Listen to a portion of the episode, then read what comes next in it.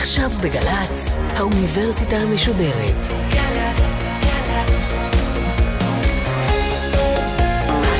עכשיו.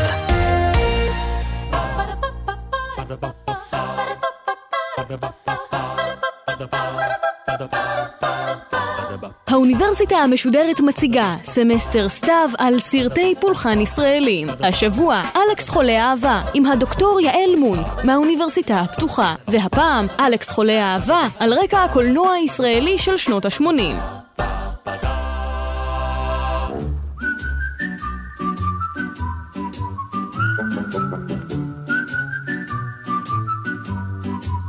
שלום, קוראים לי יעל מונק ואני חוקרת קולנוע ישראלי, חברת סגל באוניברסיטה הפתוחה.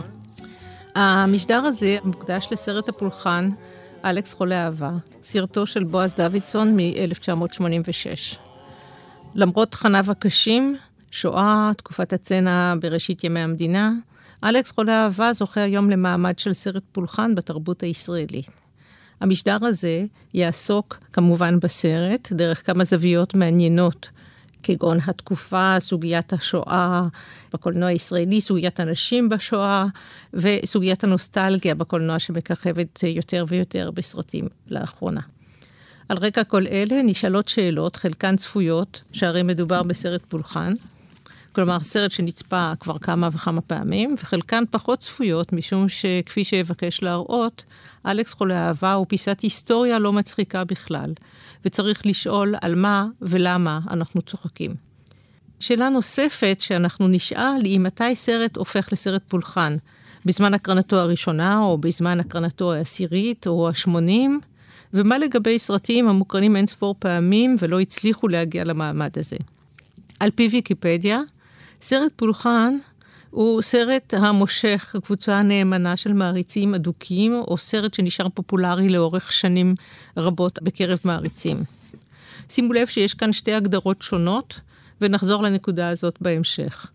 בהמשך לאותה הגדרה, עדיין על פי ויקיפדיה, בישראל נחשבים סרטי פולחן סרטי הבורקס, כגון משפחת צנעני, גבעת חלפון אינה עונה, צ'רלי וחצי, חגיגה בסנוקר, ספר נשים ועוד. ולצד סרטי דרמה הנוגעים בעצם בחוויה הישראלית הקולקטיבית, כגון הלהקה, מציצים, דיזנגוף 99, אסקימו לימון, אלכס חולה אהבה ואחרים.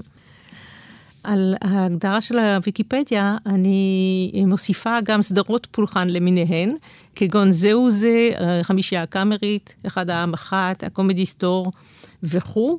ויש להוסיף גם מערכונים, כמו למשל מערכוני הגשש החיוור, שהפכו לקלאסיקה ולקאלט במובן הזה שכולם מצטטים אותם. אז אפשר להתווכח עם הרשימה הזאת, בין היתר משום שהיא לא מעודכנת. מה לגבי מבצע סבתא, למשל, סרטו של דרור שאול, שלא מוזכר ברשימה אחת כסרט פולחן, ועם זאת הוא כבר מזמן זכה למעמד הזה. אני רוצה להציע הגדרה משלי לסרט פולחן. סרט פולחן הוא קודם כל כל סרט בעל מאפיינים קומיים ותכנים עממיים. סרט פולחן מתאר תקופה מסוימת במבט ביקורתי ואירוני, מבלי להביע יותר מדי אמפתיה לאנשים ולמצבים המתוארים בסרט.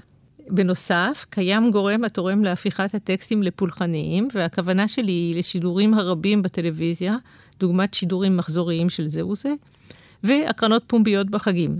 סרט פולחן הוא אם כן סרט המוכר לנו מהקשרים קודמים, אף אחד לא זוכר מתי הוא ראה אותו בפעם הראשונה, אבל היות והוא הפך להיות מצוטט ברבות השנים, אנו חשים היכרות אינטימית עמו. ההרצאות נוגעות, כאמור, לסרט הפולחן אלכס חולה אהבה, שבוים על ידי בועז דוידסון ב-86. הזוויות שאנסה להעיר בהרצאות שלי יפריחו כמה מיתוסים לגבי המימד הפולחני של הסרט, ויעירו זוויות אחרות, בין היתר, אלה הנוגעות לנוסטלגיה בקולנוע, ומשמעותו של עיבוד זיכרון השואה בקולנוע. נציין אגב שאלכס חולה אהבה הוא הסרט הראשון שמנסה לשלב את זיכרון השואה בסרט פולחן, כלומר סרט עממי ונוסטלגי. ועל מידת ההצלחה של הניסיון זה נעמוד במשדרים הבאים. על פי חוקר התרבות סטיוארט הול, הקולנוע הוא דרכה של אומה לספר את עצמה. אומה זקוקה לנרטיב מובנה של הסיפור שלה, כדי להעביר את זה לדורות הבאים. ולכן הקולנוע עושה איזה אסמבלאז', הוא עושה איזשהו חיבור בין אירועים שונים ונותן להם משמעות בעצם ההיצמדות שלהם האחד לשני. הקהל הרב שנוהר לקולנוע מקבל בסופו של דבר תמונה מאוד מוגדרת של ההיסטוריה. צריך להבין מה היו שנות ה-80 כדי להבין מה היה אלכס חולה אהבה בהקשר הזה. הקולנוע הישראלי בשנות ה-80 מתחיל למעשה בשנת 1977, אחרי המהפך הפוליטי שהעלה לראשונה את הימין לשלטון. עד אז הקולנוע הישראלי לא היה פוליטי במובן המובהק, ולרוב הוא לא התכוון להיות כזה. הוא התקיים על פי שני דגמים דומיננטיים, הקולנוע העממי מעמדי, יש המכנים אותו בורקס, והקולנוע האישי, שהיה יותר אליטיסטי ופונה לקהלים נבחרים. ההפרדה הזאת בין שני סוגי קולנוע באה לידי ביטוי בראש ובראשונה בקופות. בעוד שהקולנוע העממי הצליח בקופות והציג רווחים נאים, בזכות קומדיות עממיות, כמו צ'רלי וחצי וחגיגה בסטונקר, שהזכרנו כבר, הקולנוע האישי פנה לכיוונים אינדיבידואליסטיים יותר, הוא עסק בנפשו העדינה של הצבר, שלכאורה עומדת בסתירה לחזותו הקשוחה והמחוספסת. ונציין, אגב, כאן, שכאשר אנחנו מדברים על הצבר בשנים הראשונות האלה של הקולנוע הישראלי, הכוונה היא לצבר האשכנזי, למרות ששיוכו האתני לא צוין במפורש. הקולנוע האישי הציג אה, לבטים קיומיים של אנשים צעירים במדינה צעירה. הלבטים האלה אומנם קיימים בקרב ילידי הארץ, אבל במידה רבה הם הושאלו ממדינות המערב, דוגמת אנגליה, איטליה וצרפת. שם החל לפרוח קולנוע איכותי ברור וחד, שהצליח לגעת בנפשם של הצופים. עם זאת, הקולנוע האיכותי בארץ לא הרשה לעצמו לגעת בנושאים הכואבים באמת, טראומות המלחמה, טראומות ההגירה, הפערים מעמדיים, ובמקום זה בחר להתעכב על השאלות האקסיסטנציאליסטיות של הגיבורים. מדוע אני חי ומה מטרת חיי בעולם הזה. ניתן לזהות שאלות גדולות אלה באחדים מסרטיו של אורי זוהר, דוגמת מציצים, אך גם בסרטו הראשון של ג'אד נאמן, השמלה מ-1965, או בשלושה ימים וילד של אורי זוהר, שמבוסס על סיפור קצר של א' ב' יהושע. או אפילו בסרטו של יאקי יושע, שלום תפילת הדרך, שמתאר את מצב החברה הישראלית בתל אביב ערב מלחמת יום כיפור. אני רוצה שתקשיבו למונולוג של אחת הדמויות באחד הפרקים האחרונים של הסרט, דמות מהבוהמה התל אביבית שמשקפת את הלך הרוח של התקופה. אנחנו מדברים על משהו נורא ספציפי, וזה על איזושהי הרגשה של חוסר נחת, איזו הרגשה שמשהו לא בסדר, משהו לא טוב. תראה, יש סיטואציה כלכלית קשה מאוד, מדינה שחיה מתרומות. לא מסוגלת ליצור את אמצעי המחיה של עצמה. למה? משום שהיא נוצרה מתוך לחץ ולא מתוך צמיחה אורגנית כמו שמדינות בדרך כלל צומחות. הלאה. לא נוסף לזה שאתה גם במילא דפוק מבחינה כלכלית, אתה מוכרח להשקיע המון משאבים בביטחון. הלאה. לא מספיק כל זה, אז עוד הקרקע או המשקע התרבותי של העם שגדל פה הוא משהו נורא דליל, נורא שטוח. לכן גם כל כל הצמחים של תרבות שלנו, קולנוע, תיאטרון, ספרות, לא רק זה, אז גם כל המבנה האדמיניסטרטיבי או השלטוני במדינה הזאת הוא מסואב. אין לי בשביל מי להצביע. אין לי, אני מחפש בשביל מי לזרוק את הפתק. כל המשטר הפרלמנטרי ומבנה המפלגות במדינה לקוי. נכון. הוא לא מבטא אותי, לא מבטא אותך, לא מבטא את אף אחד. נחזור לקולנוע אישי. הסרטים האלה התמקדו באירועים קטנים ולכאורה חסרי חשיבות, שבהם הגיבור לומד משהו על עצמו דרך המפגש עם העולם. הקולנוע הזה אומנם זכה במידה מסוימת של הצלחה בעולם, כלומר בפסטיבלים בעולם, אם כי uh, רובם למעשה לא הוקרנו בבתי קולנוע בחו"ל, הקולנוע הזה היה מנותק מהקהל הרחב שחיפש דרכים לצחוק ולהתרגש. הגישה הנאורה הזאת של הקולנוע הישראלי האישי התנגשה באופן ברור עם העולם בחוץ, שהיה רווי מתחים ומלחמות. מצב שבסופו של דבר הגיע לנקודת רתיחה עם המהפך של 1977 ועלייתו לשלטון של מנחם בגין. אחרי המהפך מתחיל הקולנוע של שנות ה-80, שהוא עירוב בין קולנוע פוליטי לקולנוע אישי. הקולנוע האישי הופך אז למקום של חשבון נפש, כאשר יוצרים שואלים את עצמם היכן הקולנוע שלהם שגה באי יכולתו לראות את הנולד. מאותו התאריך, הקולנוע הישראלי יהפוך לפוליטי מאוד. לאו דווקא בהצבעה על אירועים פוליטיים או תופעות פוליטיות, אלא בהצגת מצב שהוא פוליטי במהותו, בשל יחס או היעדר יחס של המדינה, ההגמוניה אליו. מדוע נחשב המהפך לנקודת ציון בקולנוע הישראלי? ראשית, משום שהמהפך הוא נקודת ציון בחיים של הישראלים בכללותם. הוא מבטא את חילופי האליטות, את השקיעה של עולם ישן ושלטון ישן וציונות מהסוג הישן. הוא קורא לערכים קפיטליסטיים, לעולם של כסף, למימוש חלומות. הוא מבטא את דרכו של האינדיבידואל בעולם ששבע מהקרבה למען רעיונות גדולים, יהיו אלה המדינה, הצבא או הציונות. וכולם למעשה מבטאים רעיון אחד בלבד. על כן, חילופי השלטון ביטאו משהו נוסף, והוא קץ שלטון האליטות. על פי פרופסור נורית גרץ, שתי מגמות ברורות מאפיינות את הקולנוע הזה.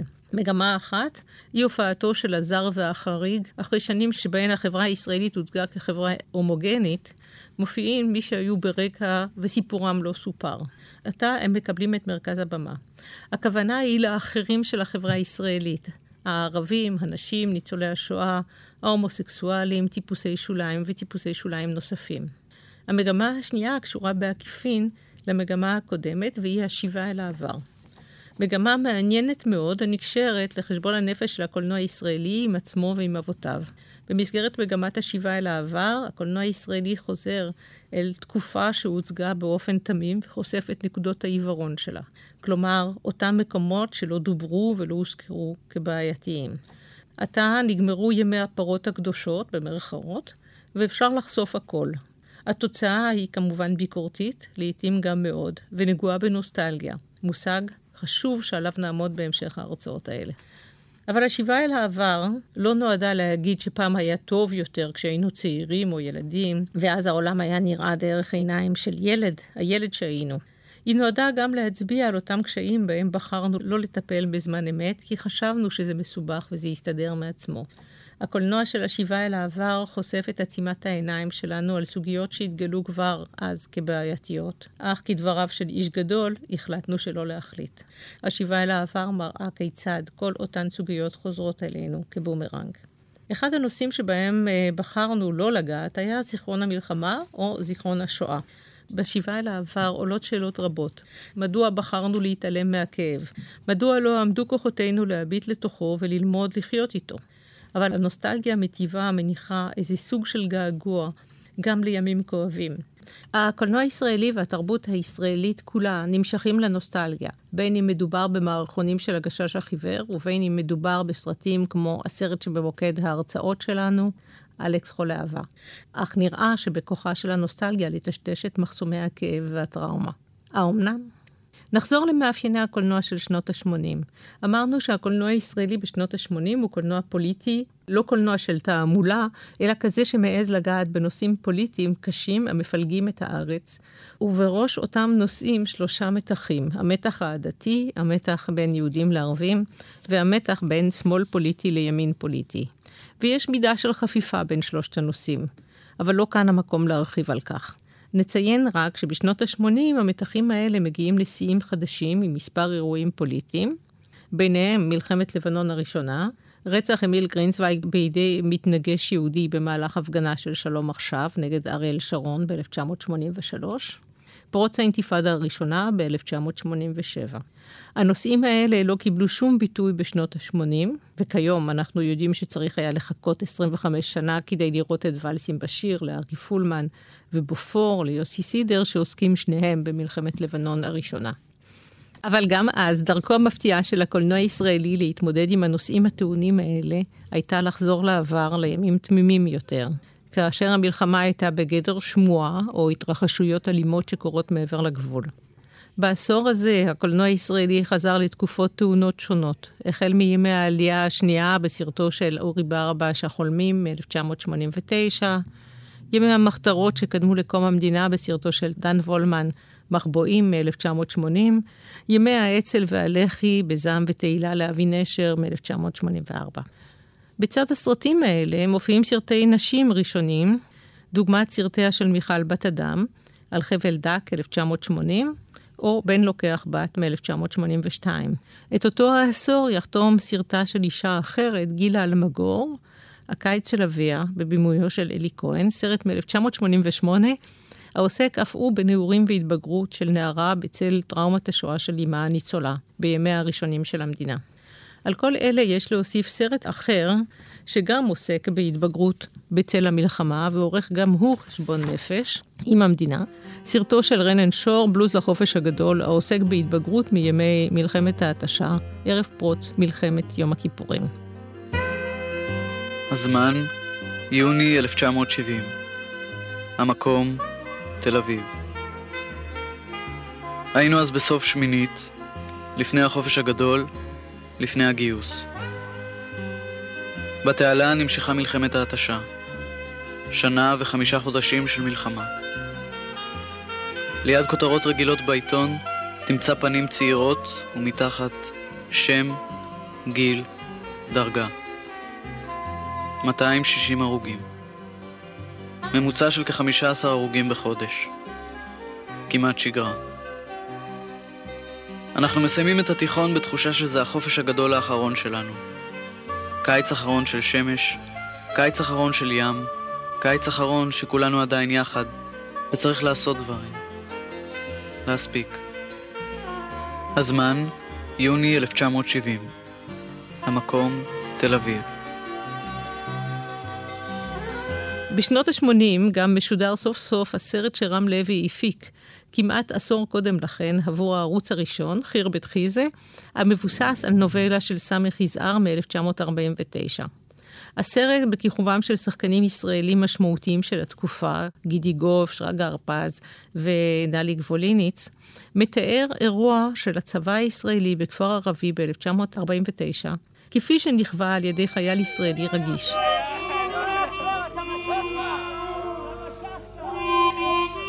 הסרט אומנם הוזמן על ידי הטלוויזיה הישראלית, הערוץ הראשון, באמצע שנות ה-70, אך עורר ויכוח פוליטי נוקב, עד כדי כך שהוא נאסר להקרנה במשך שנים ארוכות, והוקרן כעשור לאחר מכן בכל דממה דקה. כל זה אירע עוד מכבר, אך מאז לא הרפא ממני. אמרתי להשקיעו בשעון ימים, להפיג ערכו ולהכותו בשטפם של דברים. אף הצלחתי לעתים לראות שכל אותו דבר לא היה ככלות הכל כה נורא. אולם מדי פעם מחדש הייתי חוזר וננער.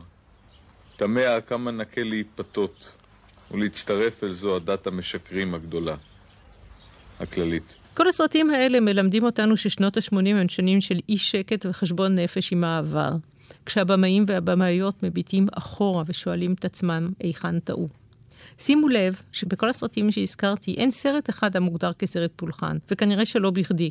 סרטי פולחן שנוצרו בשנות ה-60, ה-70 וה-80 מתאפיינים בתכונה נוספת שאינה מוזכרת בהגדרה של ויקיפדיה, והיא שהם תולשים את עצמם מהעבר הכואב ומשאירים רק את הצדדים המשעשעים והאבסורדים של ההיסטוריה, כפי שאלה נכוו על ידי האינדיבידואל. כאן המקום לציין ששנות ה-80 הניבו סרטי פולחן, כפי שהוזכר לעיל, אבל אלה לא זעזעו את החברה בישראל, אלא התייחסו לצדדים הנחמדים והמגוחכים שלה, תמיד בהומור, תמיד באהבה. ייתכן שחטאו להיסטוריה. שאלה זו נוגעת לסוגיה אתית בקולנוע והיא מחויבותו של במאי הקולנוע להיסטוריה. הבמאי הוא אזרח המדינה, כלומר מי שתורם בעצם העשייה שלו היווצרות המרקם התרבותי של המקום. כאשר במאי יוצר סרט, הוא מתכתב למעשה עם ההיסטוריה ועם הזמן שבו הוא עושה את הסרט. הסרט הופך להיות מין שיקוף דרך פריזמה מסוימת של אותה היסטוריה. נציין רק שעל רקע זה מופיע ב-1986 אלכס חולה אהבה, סרטו של בועז דוידסון, במאי שנודע עד אז בעיקר בזכות הלהיט הענק שלו מ-1978, אסקימו לימון.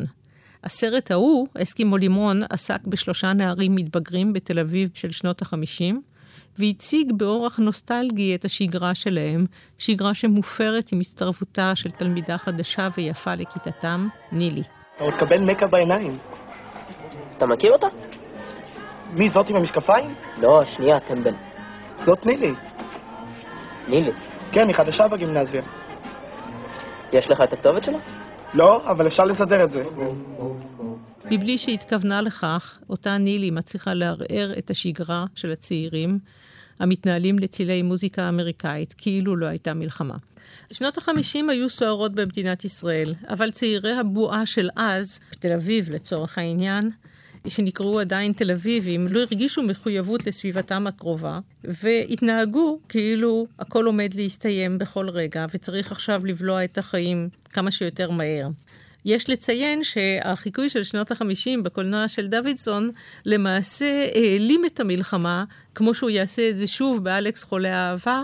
הוא העלים את ההיסטוריה, הוא העלים את המימד הטרגי של ההיסטוריה, והותיר רק את סערת ההורמונים המתרחשת בליבם של אנשים צעירים. אסקימו לימון נחשב לאחד הסרטים המצליחים בתולדות הקולנוע הישראלי. עד סוף שנת 1978, השנה שבה הוא יצא לאקרנים, צפו בו מיליון שלוש מאות אלף ישראלים.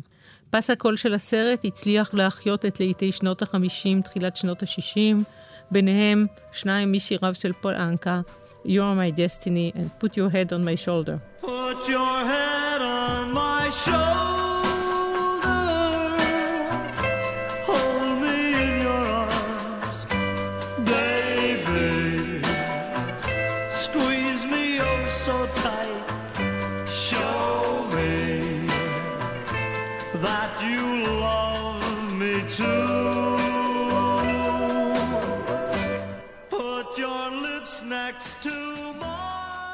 לאחר שזכה באינספור פרסים והופץ בהצלחה גדולה בארצות שמעבר לים, הגו יוצריו את הרעיון לעשות לו מספר סרטי המשך, ובכך לחזור על ההצלחה האדירה. הניסיון האחרון, אסקימו לימון, החגיגה נמשכת, במימויו של צבי שיסל, יצא לאקרנים בשנת 2001, ורשם הצלחה מסוימת, אך לא חזר על ההצלחה הפנומנלית של אסקימו לימון. הסרט שבמרכז המשדרים שלנו, אלכס חולה אהבה מהווה ניסיון נוסף לחזור על ההצלחה. אלכס חולה אהבה ממוקם בתווך בין סרטי הבורקס לקולנוע האישי. מצד אחד יש בו מבט רטרוספקטיבי על חייו של הבמאי או נעוריו, ככזה הוא קולנוע אישי. מצד שני, הייצוג העדתי המוקצן של הפולנים, שזה המשפחה של אלכס והסביבה שלו, הוא בעיקר דמותו של פרוק, השחקן יוסף שילוח ז"ל, נותנים לסרט את המימד הבורקסי העממי שלו. השילוב בין שני הדגמים יוצר דגם נוסטלגי ייחודי שמנסה לגעת בנפשו של הצופה. אך כפי שאטען בהמשך, היעדר האמפתיה לדמויות פוגע בסופו של דבר באיכות הסרט.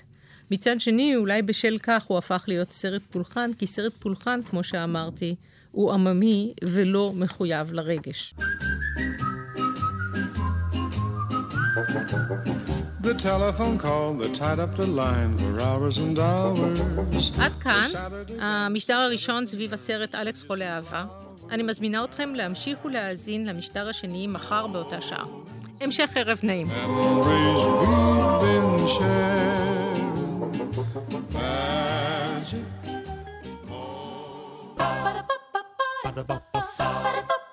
Ba-da-ba-ba-ba האוניברסיטה המשודרת, סמסטר סתיו על סרטי פולחן ישראלים. הדוקטור יעל מונק, חברת הסגל האקדמי באוניברסיטה הפתוחה, על אלכס חולה אהבה, על רקע הקולנוע הישראלי של שנות ה-80. עריכה והפקה, נועה חן. רכזת המערכת, אור לוי. עורך ראשי, ליאור פרידמן. עורכת אחראית, מאיה להט קרמן. האוניברסיטה המשודרת, בכל זמן שתרצו באתר וביישומון של גל"צ, וגם בדף הפייסבוק של האוניברסיטה המשודרת.